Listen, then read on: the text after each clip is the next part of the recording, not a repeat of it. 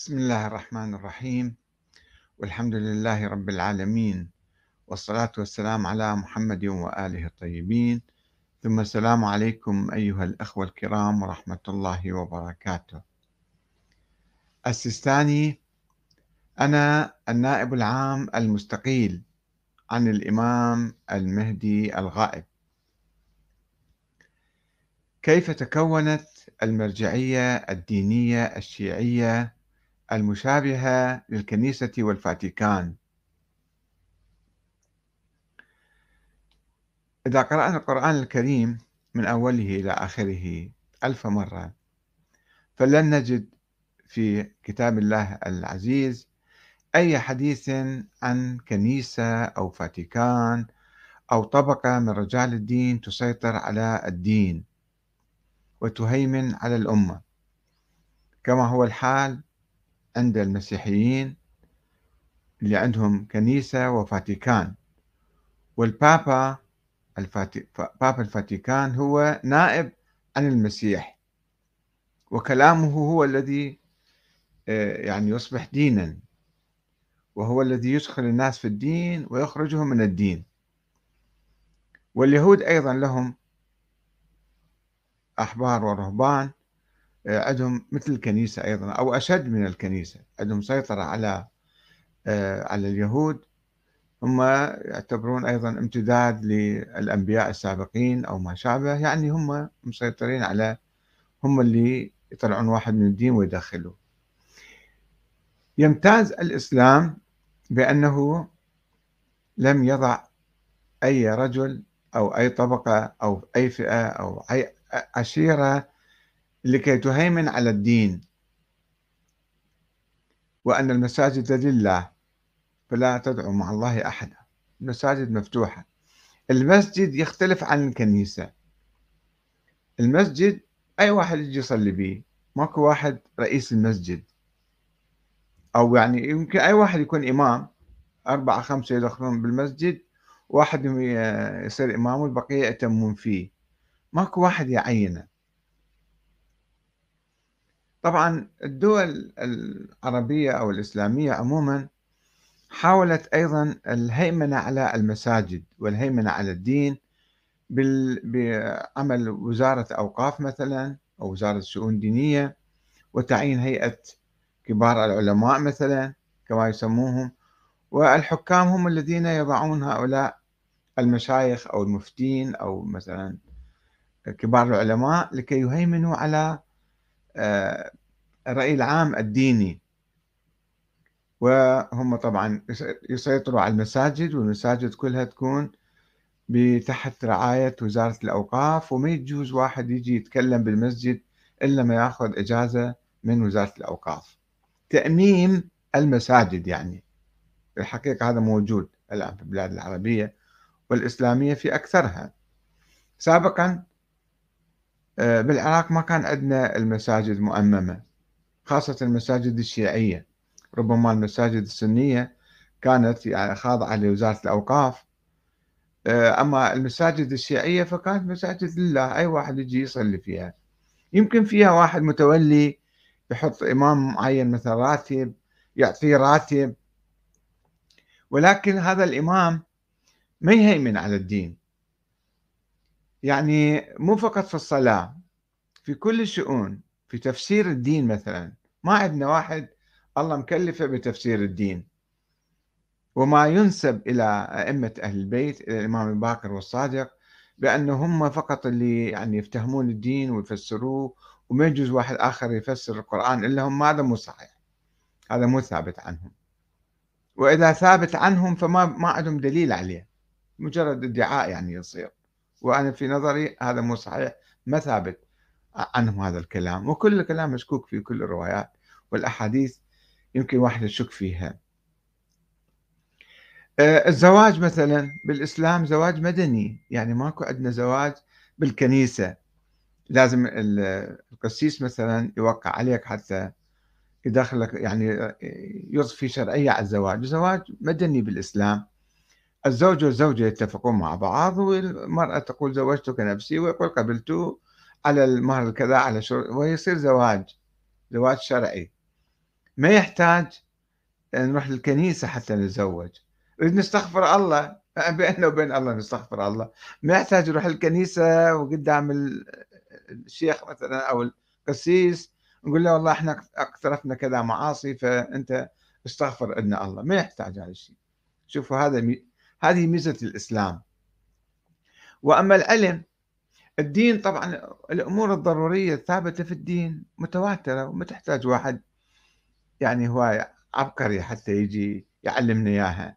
متواترة ومجمع عليها ومتوارثة ومعروفة. ضروريات الدين اللي النبي محمد صلى الله عليه وسلم علم الصحابة ومن ذاك اليوم إلى الآن. الصلاة الصوم الحاج الزكاة كلها أشياء واضحة. ما تحتاج واحد يعني يتعمق. إنما هناك مسائل حادثة في الموضوعات. في الموضوعات أو بعض المسائل الجديدة اللي تحدث مثلا دخان مثلا سجائر ما كانت الحشيشة ما كانت سابقا. هذه مثلا آه، شنو حكمها؟ يمكن واحد يجتهد. وأي واحد بإمكانه أن يجتهد. ماكو واحد هو متخصص بالإجتهاد لازم نرجع إليه وبقية الناس ما لهم حق الاجتهاد. لا الاجتهاد مفتوح لكل الناس. يراجعوا الكليات الإسلامية والقواعد العامة ويشوفوا هذا مثلا مضر فيصير حرام. آه، الربا في البنوك الآن الانترست يعني الفوائد هل هذه تعتبر مثلا ربا أو لا؟ مو ربا. يعني مثلا في إذا في تضخم في البلد حسب التضخم إذا آه، المقرض أخذ فائدة أو رجع رأس ماله آه، بحيث يكون عادل. هل هذا ربا أو لا؟ مو ربا يعني في اجتهاد في الموضوع. وهكذا هناك مسائل حادثة. ممكن واحد نرجع للعلماء بس العلماء مو طبقة معينة وكل وكلامهم مو كلام الله سبحانه وتعالى ولا كلام النبي محمد. مو دين. ظن. عندهم ظن في مسألة معينة.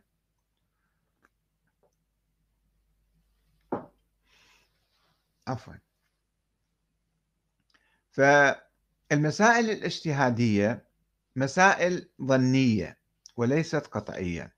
يعني ما موجودة بالقرآن مثلا ولا بالسنة النبوية فإذا هي اجتهادية. ويمكن إحنا نجتهد. لابد أن نجتهد. ولكن هذا اللي يجتهد ما يقول كلامي كلام الله مثل القرآن مثل السنة النبوية. لا ممكن ممكن يعني نأخذ ونعطي وياه. مو الراد عليهم كالراد علينا والراد علينا كالراد على الله. لا ماكو شيء بالإسلام. ولكن في الحقيقة قلنا الأنظمة السنية عموما آه، حاولت تهيمن على المساجد وعلى الدين وتفسره كما تشاء. وتجيب علماء معينين تدعمهم وتقول لهم أنتم فسروا الدين كما نشتهي كما نريد. وهذا الشيء موجود الآن نشوفه في كل العالم العربي والإسلامي. الشيعة شنو صار عندهم؟ الشيعة كان عندهم أئمة. نظرية الإمامة تقول أنه لا الأئمة هؤلاء منصوص عليهم من الله وهم معصومون. وهم يفتهمون الدين فقط وما نقدر إحنا نفتهم الدين إلا من خلالهم. هاي نظرية الإمامة.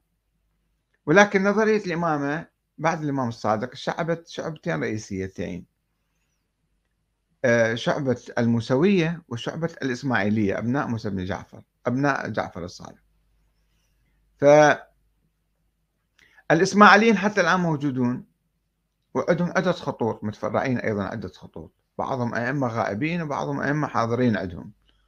وعدد من الأئمة عندهم. فوق الأربعين خمسين واحد صار حتى الآن عندهم أئمة. ومتسلسلين حتى الآن عندهم واحد إمام. أغا خان مثلا يقول لك أنا الإمام المعين من قبل الله من هذه السلالة.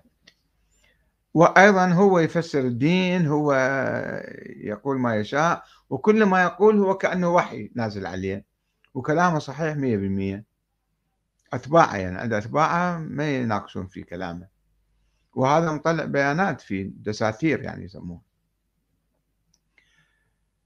أه الشيعة الإمامية الموسوية استمروا إلى موسى بن جعفر علي الرضا محمد الجواد علي الهادي الحسن العسكري إلى توفى سنة 260 انقطعت السلسلة.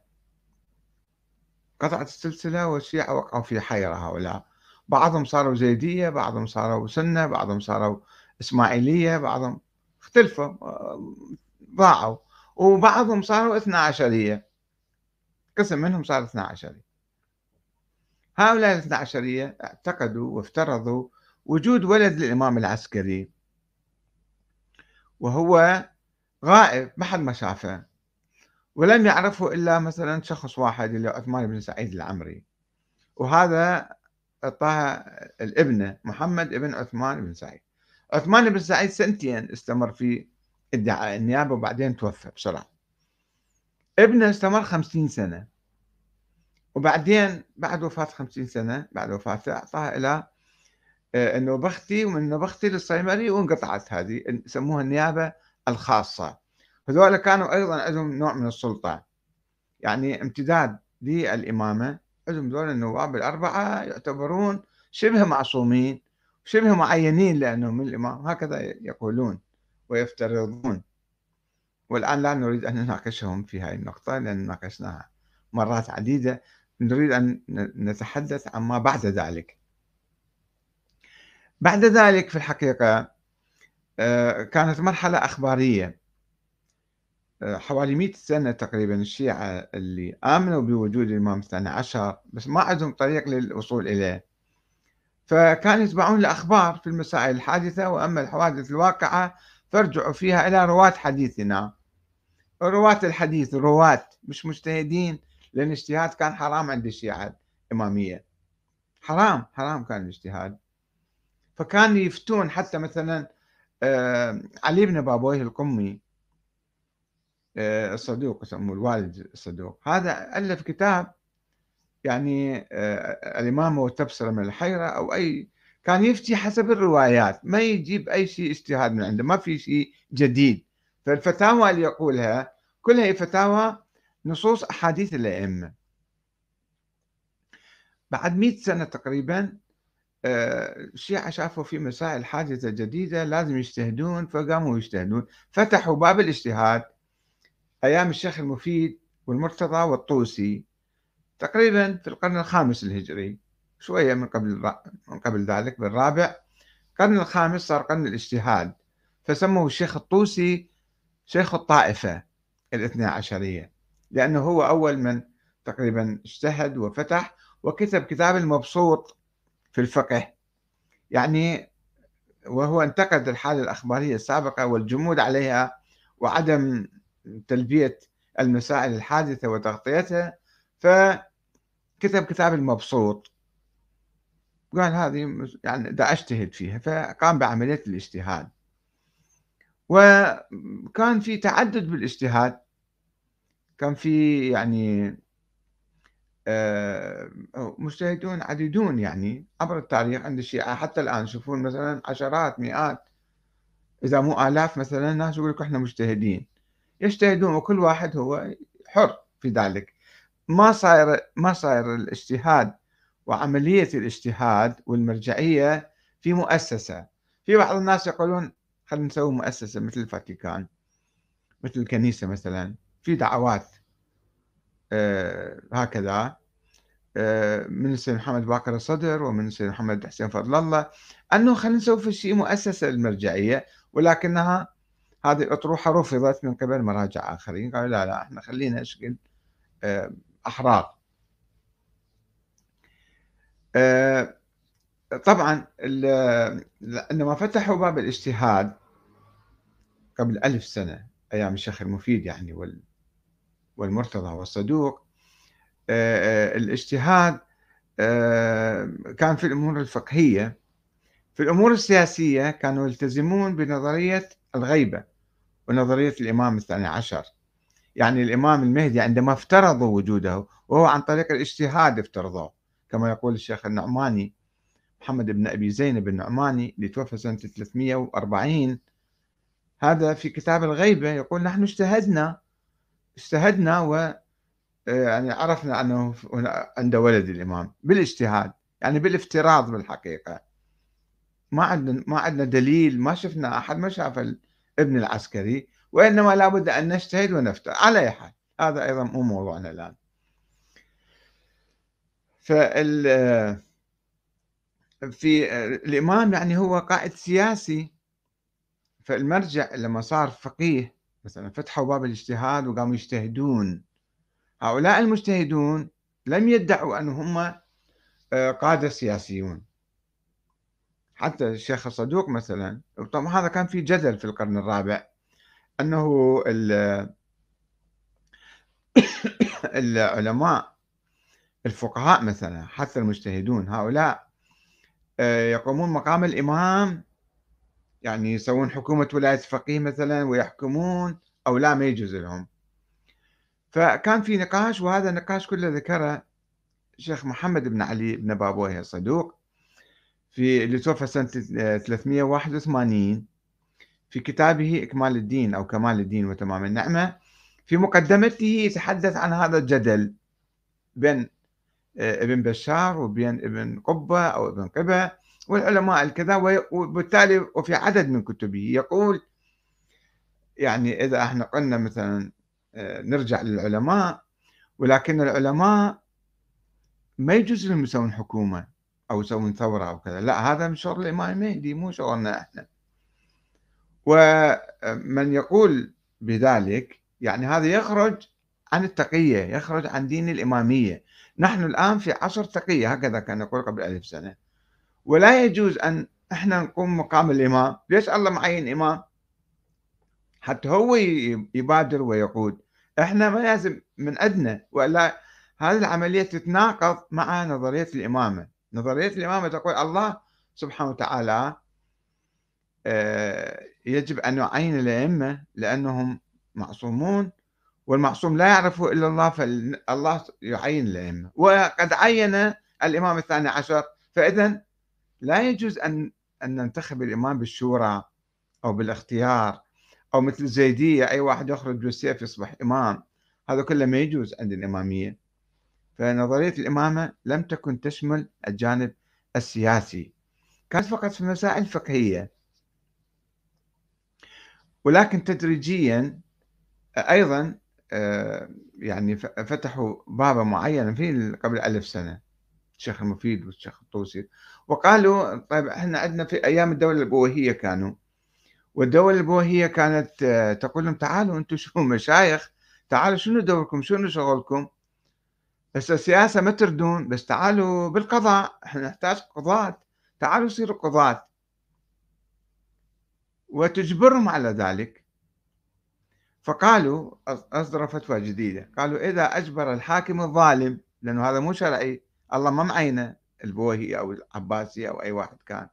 فإذا أجبر الحاكم الظالم شخصا أو فقيها مثلا وكذا حتى يكون قاضي شلون يصير حرج والقضاء من أعمال الإمام. وما يجوز واحد يصير قاضي إلا بإذن الإمام الإمام المهدي الغائب. فطلعوا لهم فرد مخرج أنه والله خليه يفترض هذا القاضي أنه هو نائب عن الإمام المهدي خليه ينوي ينوي بنفسه داخل عقله. أنه هو نائب عن الإمام في في القضاء. حتى يصير قضاء على حد يقدر يقضي.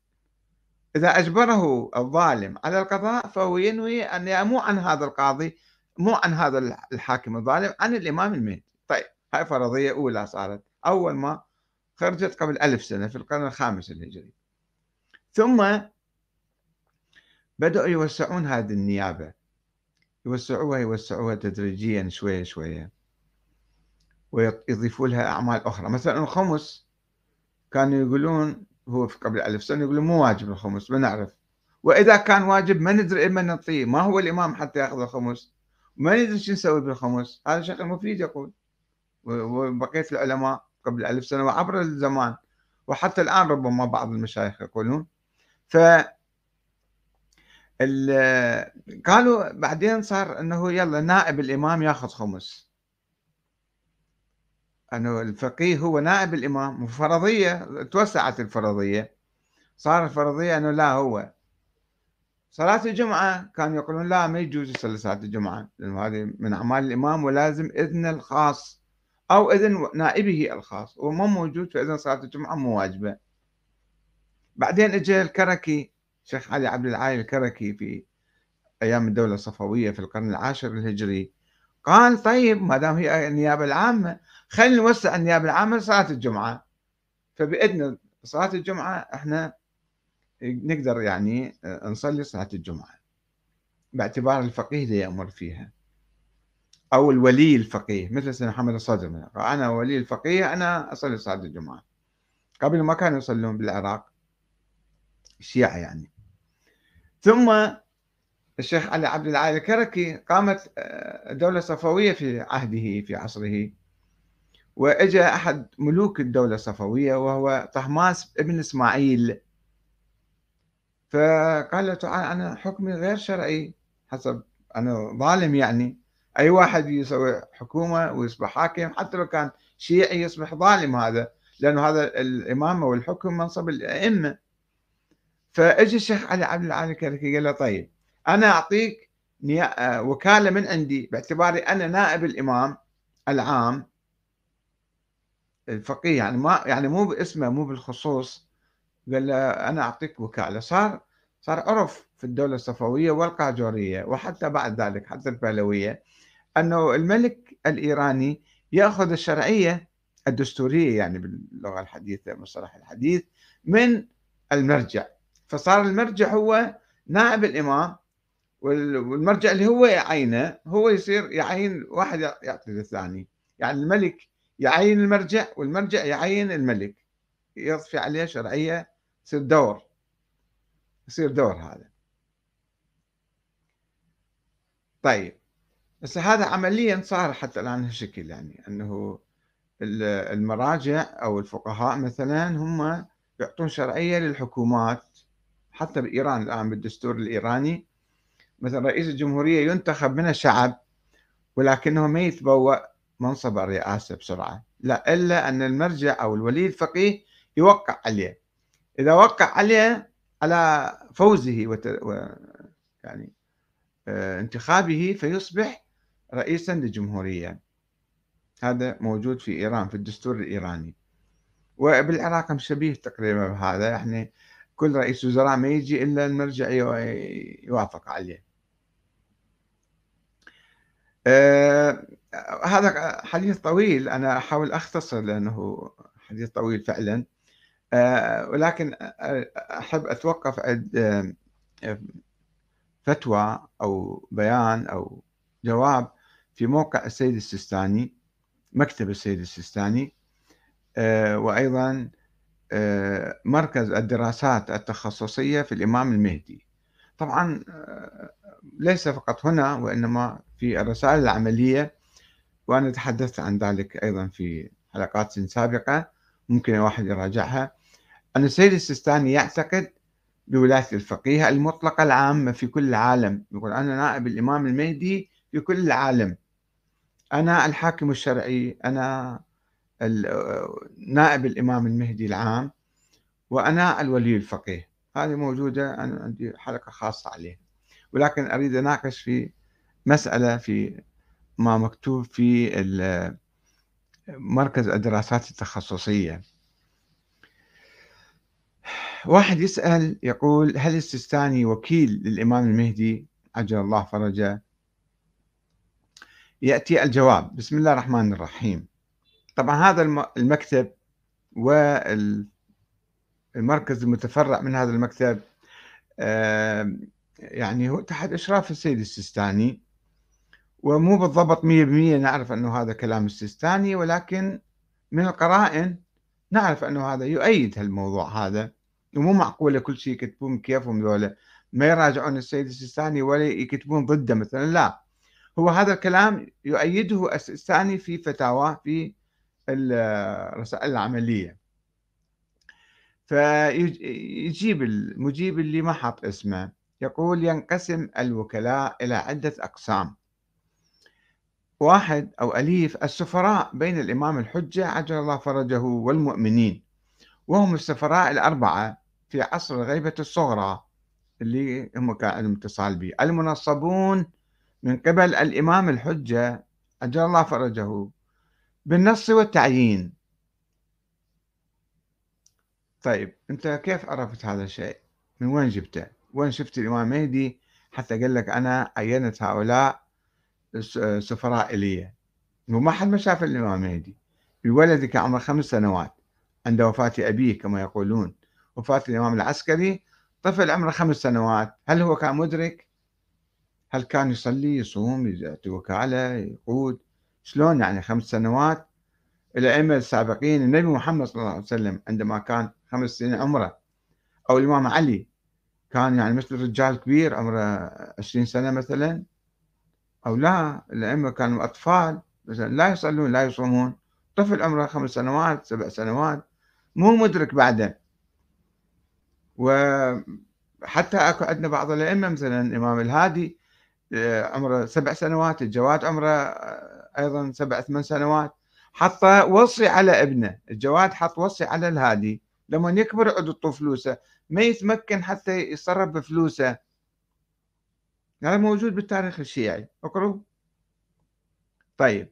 فإذا طفل عمره خمس سنين أعطى الوكلاء وكالة للسفراء. هذا السفير يسموه سفير أو السفراء. مو مو أربعة طبعا كانوا 24 واحد. بس ما يعترفون يقول ذولاك دجالين كذابين. طيب ليش ذولاك كذابين دجالين؟ هم أصحاب الإمام العسكري. وليش ذول أربعة فقط صاروا خوش أوادم؟ وصادقين وصدق ذول وكالتهم. على أي أساس؟ هذا من هم ناقشناه ولا نريد أن نتوقف عنده. اثنين أو باء يقول وكلاء الوقف وهم الذين أوكل إليهم الإمام الحجة إدارة الأموال والموقوفات الخاصة به في عصر الغيبة الصغرى. هاي من جبتها؟ مو الإمام راح بالمحكمة وسجل كل أمواله وجواريه وأوقافه. وكلها قال تروح إلى أمي.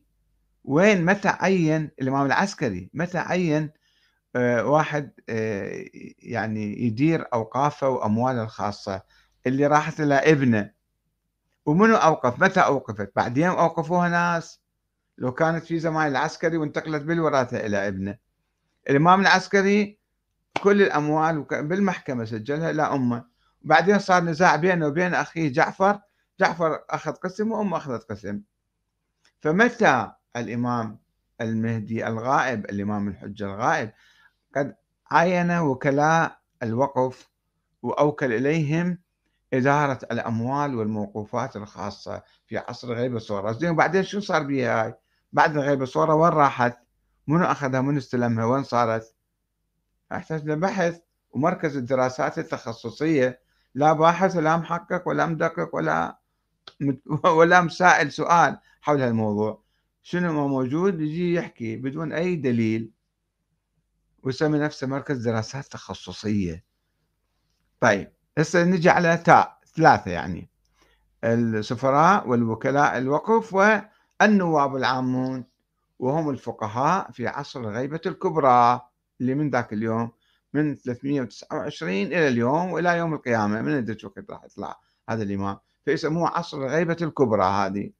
غاب ما حد ما يشوفه ما حد ما يلتقي به طيب الذين أوجب الإمام الحجة عجل الله فرجه الرجوع إليهم أوجب الرجوع إليهم بحسب كتابه الشريف. وأما الحوادث الواقعة فارجعوا فيها إلى رواة حديثنا فإنهم حجتي عليكم وأنا حجة الله عليهم. هذا في كتاب كمال الدين وتمام النعمة للشيخ الصدوق جزء 2 صفحة 440 باب 45 حديث رقم 4 طيب والسيد السيستاني يضيف هذا المجيب. والسيد السيستاني وبقية الفقهاء المأمونين يدخلون تحت العنوان الثالث ودمتم برعاية المولى صاحب العصر والزمان عجل الله فرجه. مركز الدراسات التخصصية في الإمام المهدي. آه، جواب أو موضوع رقم 128 في هذا المركز. طيب خلي شوي نتوقف عند هذا استدلال وهذا الجواب وهالطريقة هذه. طبعا هذا أكيد مية بالمية السيد السيستاني يؤمن بهالكلام وكل الناس الذين يدعون المرجعية هم يعتمدون على هذا الحديث. خلينا نشوف هذا الحديث مدى صحته وسندا ومتنا. فهم يقولون صحيح السند مشكلة في هذا لأنه أول من روى الحديث هو آه، الشيخ الصدوق يعني هو آه، ولد آه، في بدايات القرن الرابع توفى سنة 81 يعني 381 يعني دا ينقل الحديث لما كبر يعني خلينا نقول بالأواسط القرن الرابع الهجري دا ينقل الحديث عن محمد بن يعقوب الكليني أبو الكافي كتاب الكافي اللي توفى سنة 329 أيضا. بس الشيخ الصدوق ما لحق له ما لحق عليه. بس دا يروي حديث عنه. بأي واسطة هم؟ ما يقول بأي واسطة. ما يقول بأي واسطة. بس يروي حديث عن محمد محمد بن يعقوب الكليني. طيب هو نفسه محمد بن يعقوب الكليني أبو الكافي ما ذاكر هذا الحديث في كتابه الكافي؟ وذاكر كل شيء فيه. 16000 حديث و9500 حديث ضعيف عنده في الكافي. يعني ما كان يسمع كان يحط بالكتاب هذا مالته الكافي. و2000 حديث فقط الآن علماء الشيعة إذا تسألوهم يقولون لكم 2000 حديث فقط يعني نعتقد أنها أحاديث صحيحة. والبقية ضعيفة وبعضها حسنة عن النص. موثقة حسنة كذا مثلا. طيب. فينقل هذا الصدوق عن محمد بن يعقوب ما يقول أنا شفته وما كان ملحق عليه حتى يشوفه ولد يمكن بعد وفاته. عن إسحاق بن يعقوب. هسه هو محمد بن. آه، الكليني كان معاصر لمحمد آه، بن عثمان العمري النائب أو السفير الثاني ومعاصر أيضا للسفير الثالث النوبختي ومعاصر للسفير الرابع اللي هو الصيمري يعني كان في زمانهم ليش ينقل عن إسحاق بن يعقوب ليش ما ينقل مباشرة عن محمد بن عثمان العمري شنو السبب يعني؟ ليش؟ ما لقاه يروح تأكد. يقول هذا الحديث مثلا أكده فلان وفلان أكده الصيمري وأكده النوبختي وأكده فلان. لا ما ذاكر. يعني شوف اللوفة جاي. يقول المهم يقول سألت هذا إسحاق بن يعقوب يقول قال سألت محمد بن عثمان العمري رحمه الله أن يوصل لي كتابا قد سألت فيه عن مسائل أشكلت علي.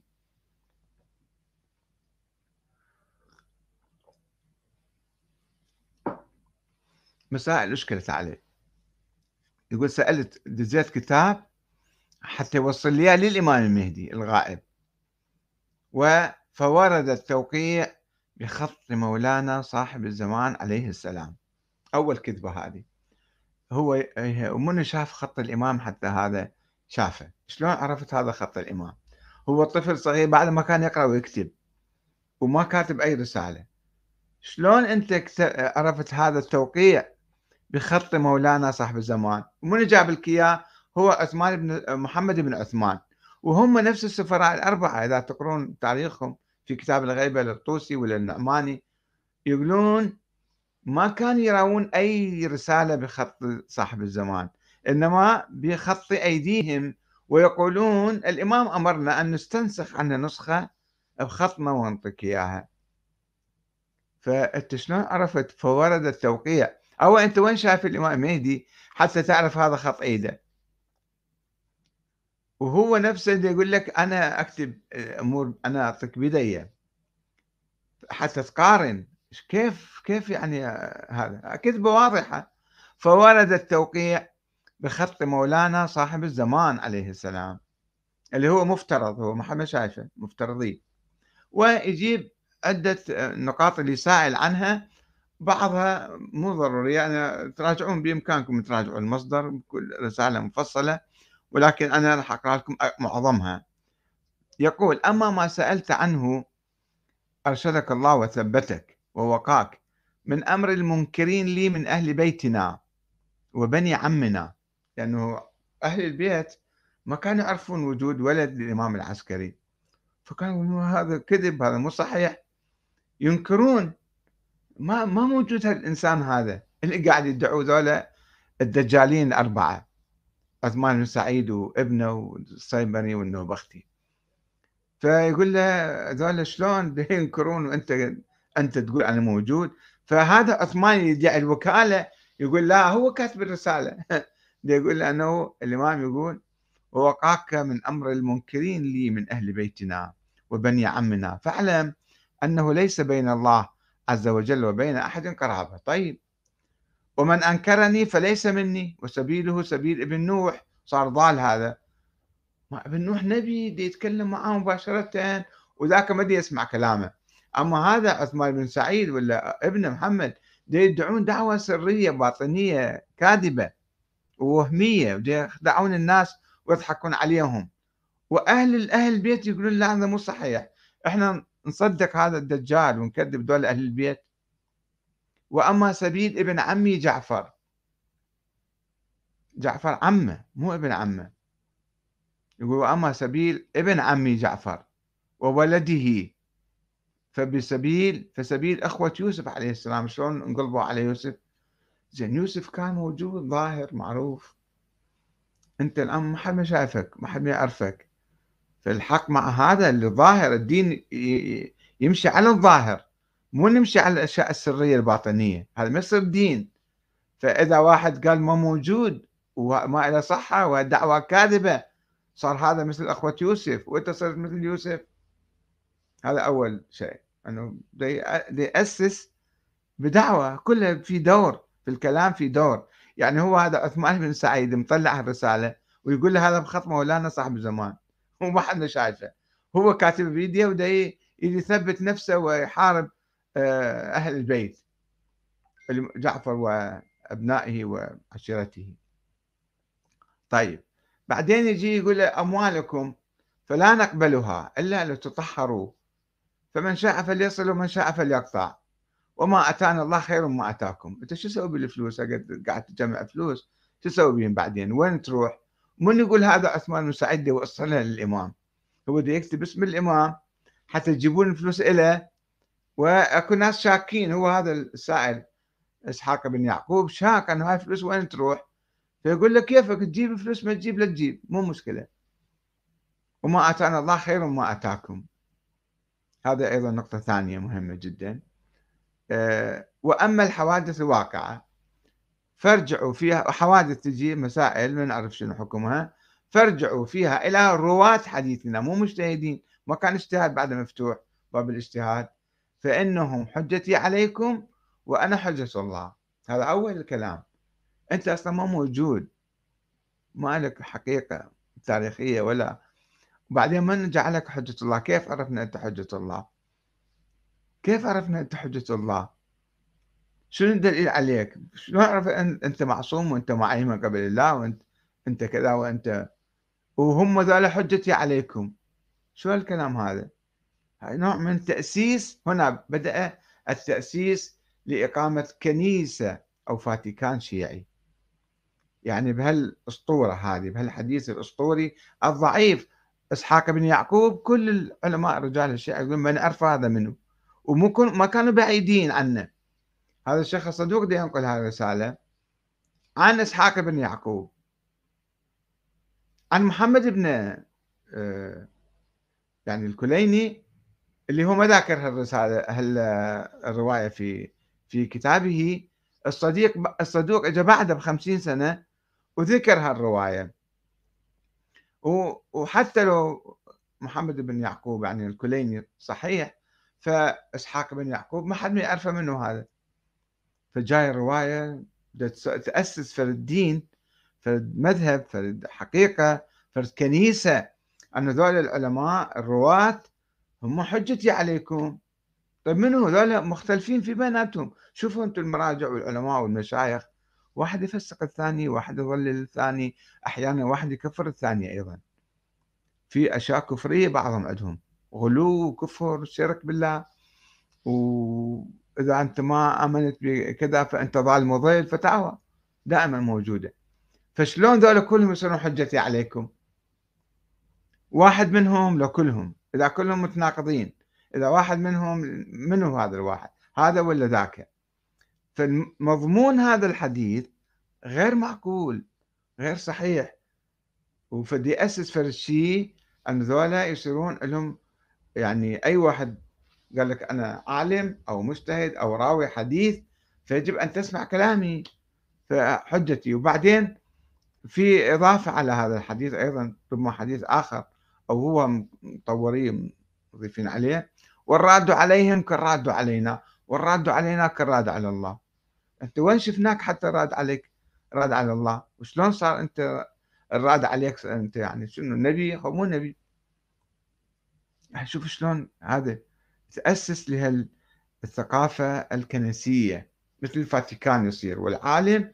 بعدين صار حصر بواحد مرجع أعلى هو هذا زعيم الطائفة يسموه. زعيم الطائفة يعني صار مثل البابا. لازم دائما الناس يسمعوا كلامه وهو كلامه كلام النبي, النبي والله يعني. وهو فوق الدستور وفوق الشعب وفوق القوانين ويسوي اللي يريده أيضا. طيب. هسه نجي نشوف هاي الرسالة من وين جاية؟ جاية من محمد بن عثمان العمري. وخط منه خطه هو يقول هذا خط صاحب الزمان. وبالرسالة نفسها دور. شوف الدور شلون. وأما محمد بن عثمان العمري هو سائل. هو يسأل من نفسه أنت أنت صدق حجة؟ أنت صدق وكيل لو مو صدق وكيل؟ أنت ثقة لو مو ثقة؟ أكو شك به. وهذا سائل الذكي جدا. إسحاق بن يعقوب بده يسأل عثمان بن آه، محمد بن عثمان العمري النائب الثاني على أساس يسأل أنت ثقة لو مو ثقة؟ يقول له هو بالرسالة هاي طلع لي إياه. يقول له وأما محمد بن عثمان العمري فرضي الله عنه وعن أبيه من قبل فإنه ثقتي وكتابه كتابي صار نفس الشيء. فصار هو جايب الكتاب هو دي يمدح نفسه. شوف الدور شلون؟ يعني واحد عنده ذكاء بسيط ما يحتاج لذكاء كبير. يعني بس شوية يفكر بهاي الرسالة هاي الرسالة معقولة صحيحة مو صحيحة. مجهول هو راويها مجهول. إسحاق بن يعقوب. ودي يمدح نفسه عثمان محمد بن عثمان العمري. وجايب له فلوس من طي. يقول له وأم وأما ما وصلتنا به الفلوس اللي أعطيتنا إياها فلا قبول عندنا. إلا لما طاب وطهر وثمن المغنية حرام سائل عن يشتري له جارية تغني له.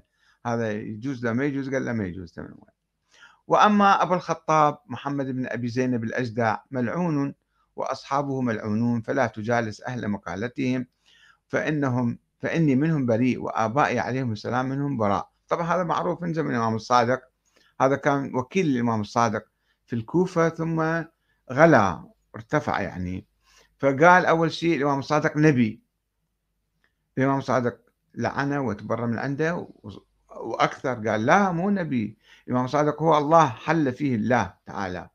وأنا نبي من عنده. أول شيء قال أنا إمام من قبلي. بعدين لما رفع الإمام الصادق درجة قال لا أنا يعني آه، مندوبه أو نبيه. فقال له هذول يبدو عليه هذا السائل كان يقعد وياهم يعني أو أو قريب من عندهم. طيب وأما المتلبسون بأموالنا فمن استحل منها شيئا فأكله إنما يأكل النيران. شنو الأموال اللي مالتهم كانت؟ مالت هذا الإمام الغائب اللي ما ندري وين يسوي بها فمن استحل منها شيئا يعني كان عنده أوقاف جديدة مو كلها أخذوها. أم آه، يعني الإمام العسكري واخوه هم الذين أخذوا الأموال. فإنما يأكل النيران. طيب. هذا الأموال خاصة لأوقافه وكذا شيء من القبيل. وأما الخمس فقد أبيح لشيعتنا وجعلوا منه في حل إلى وقت ظهور أمرنا. أن نطلع بعد ما يحتاج تجيبون خمس. طيب هذه فتوى كلش لطيفة. إذا كان الخمس واجب فصار مباح في عصر الغيبة ليش العلماء قاموا ذول المراجع الآن؟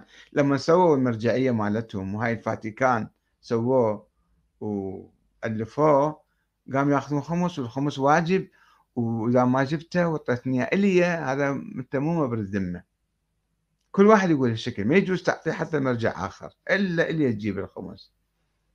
عركة على الخمس صارت. طيب ما هو هاي الرسالة إذا إحنا صدقنا بيها تقول الخمس مباح لشيعتنا. وإذا آه يعني إذا مثلا ما صدقنا ما صدقنا بيها ف... وأما الحوادث الواقعة فارجعوا فيها إلى رواة حديثنا هذا يطير يعني هذا مو مو فسي حكم شرعي. وأساس الرواية كلها كذب في كذب. كلها تأليف في تأليف ومتناقضة. فبناء على هاي الرواية طبعا اجى الطبرسي أبو منصور أحمد بن علي بن أبي طالب الطبرسي. هذا في القرن السادس الهجري كان. عنده كتاب اسمه الإحتجاج على أهل اللجاج. ذكر هذه الرواية أيضا نقلها بعد يعني 200 سنة من الشيخ الطوسي الشيخ صدوق. في الجزء الثاني صفحة 283 هذه بعدين مو مشكلة بعدين قاموا يتناقلوها يبدو الشيخ المفيد أيضا ما ما يذكرها. الشيخ المفيد الشيخ الطوسي ما معتبريها. السيد مرتضى علماء القرن الخامس ما حد ذاكرها فهذه الرواية اللي نسبت أو رويت لكتاب الاحتجاج. هل فعلا كانت في كتاب الاحتجاج؟ مال الشيخ الصدوق اللي كان بالقرن الرابع. أم لا؟ بعدين إجوا دسوها ووضعوها. الثابت أنه في كتاب الاحتجاج موجودة. في القرن السادس. طيب. إذا شوفوا هذه القصة يعني هم اللي يسوون إضفاء الطابع الديني على المرجع أو الفقيه أو الراوي أو العالم. هذا وأما الحوادث الواقعة فارجعوا الإمام المهدي أمر. وبالتالي صاير وكيل. وكل واحد كما يقول مكتب السيستاني و السيستاني نفسه وكل من يدعون المرجعية يقولون ذلك أن السيد السيستاني وبقية الفقهاء المأمونين من هم المأمونين يدخلون تحت العنوان الثالث. هو لا الأول ولا الثاني ولا الثالث ولا أساس الإمام. المهدي ما موجود ولا مولود ولا مجرد فرضية افترضوها بعض الناس ذول النواب الدجالون. مو الأربعة 24 واحد كانوا واحد يكذب الثاني كانوا. 24 واحد واحد يكذب الآخر. ولكن بعدين استقر الرأي جماعتنا على هؤلاء الأربعة فقط وبنوا لهم مقابر الآن في بغداد. بالخلاني وما أدري وين وكذا. فصار شنو عندنا؟ آه، أنه آه، نواب الخاصون والنواب العامون. والنواب العامون فرضية على فرضية على فرضية. ويقول لك المجتهدون الفقهاء. هنا أيضا هاي فرضية بالحقيقة ما عندنا فقهاء. يعني الفقيه اللي ياخذ هاي الرواية مثلا ويبني عليها. هل نسميه فقيه؟ هذا مو فقيه لأنه أبسط شيء أن أنت لقيت لك رواية قدامك قاعد تفترض وجود إمام غائب. تفترض نواب أربعة. وتفترض كله بدون دليل بدون دليل بدون دليل. وتفترض وكلاء أيضا خاصون على الوقف وتفترض أنه الفقهاء أو الرواة هم نواب عامون. وهو أنت مو فقيه لأن أنت هاي الرواية اللي هي أساس أساس الكنسية أساس الفاتيكان الشيعي أساس المرجعية الدينية يسمونها المرجعية الدينية المشابهة للفاتيكان والكنيسة التي تحاول السيطرة على الدين على تفسير الدين على هذا تخرج واحد من الدين وتدخل واحد بالدين سيد محمد حسين فضل الله هذا ضال مضيل. ليش يابا لأنه أنكر آه، أسطورة الاعتداء على الزهراء. هاي ما تخش بعقلي. أيضا صار ضال مضل ذول جماعة بقوم قاعدين ونجف ويصدرون فتاوى. وأي واحد آه، حكى كلمة ما تعجبهم رأسا يطخوه بفتوى. ف وعندهم ولاية يقول لك أنا عندي ولاية أنا الحاكم الشرعي. أنا ولي أمر المسلمين في كل العالم. أنا نائب الإمام. كلها فرضيات وهمية في فرضيات فرضيات وهمية.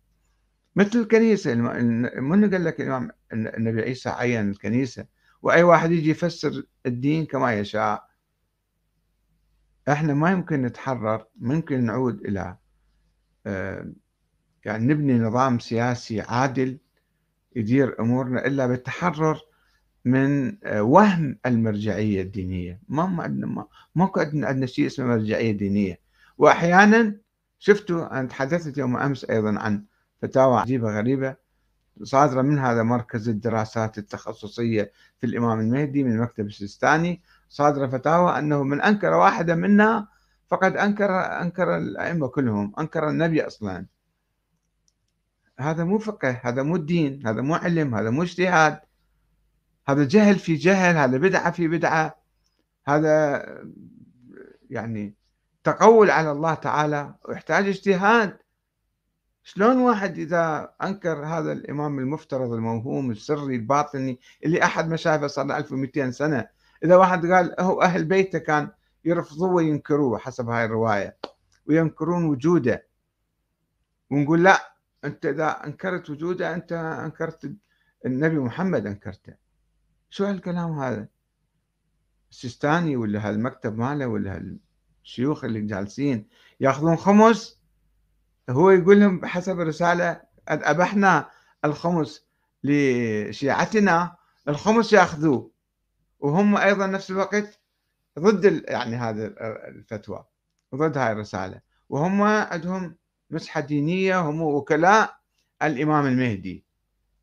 النواب العامون عن الإمام المهدي. وأحاديث متناقضة.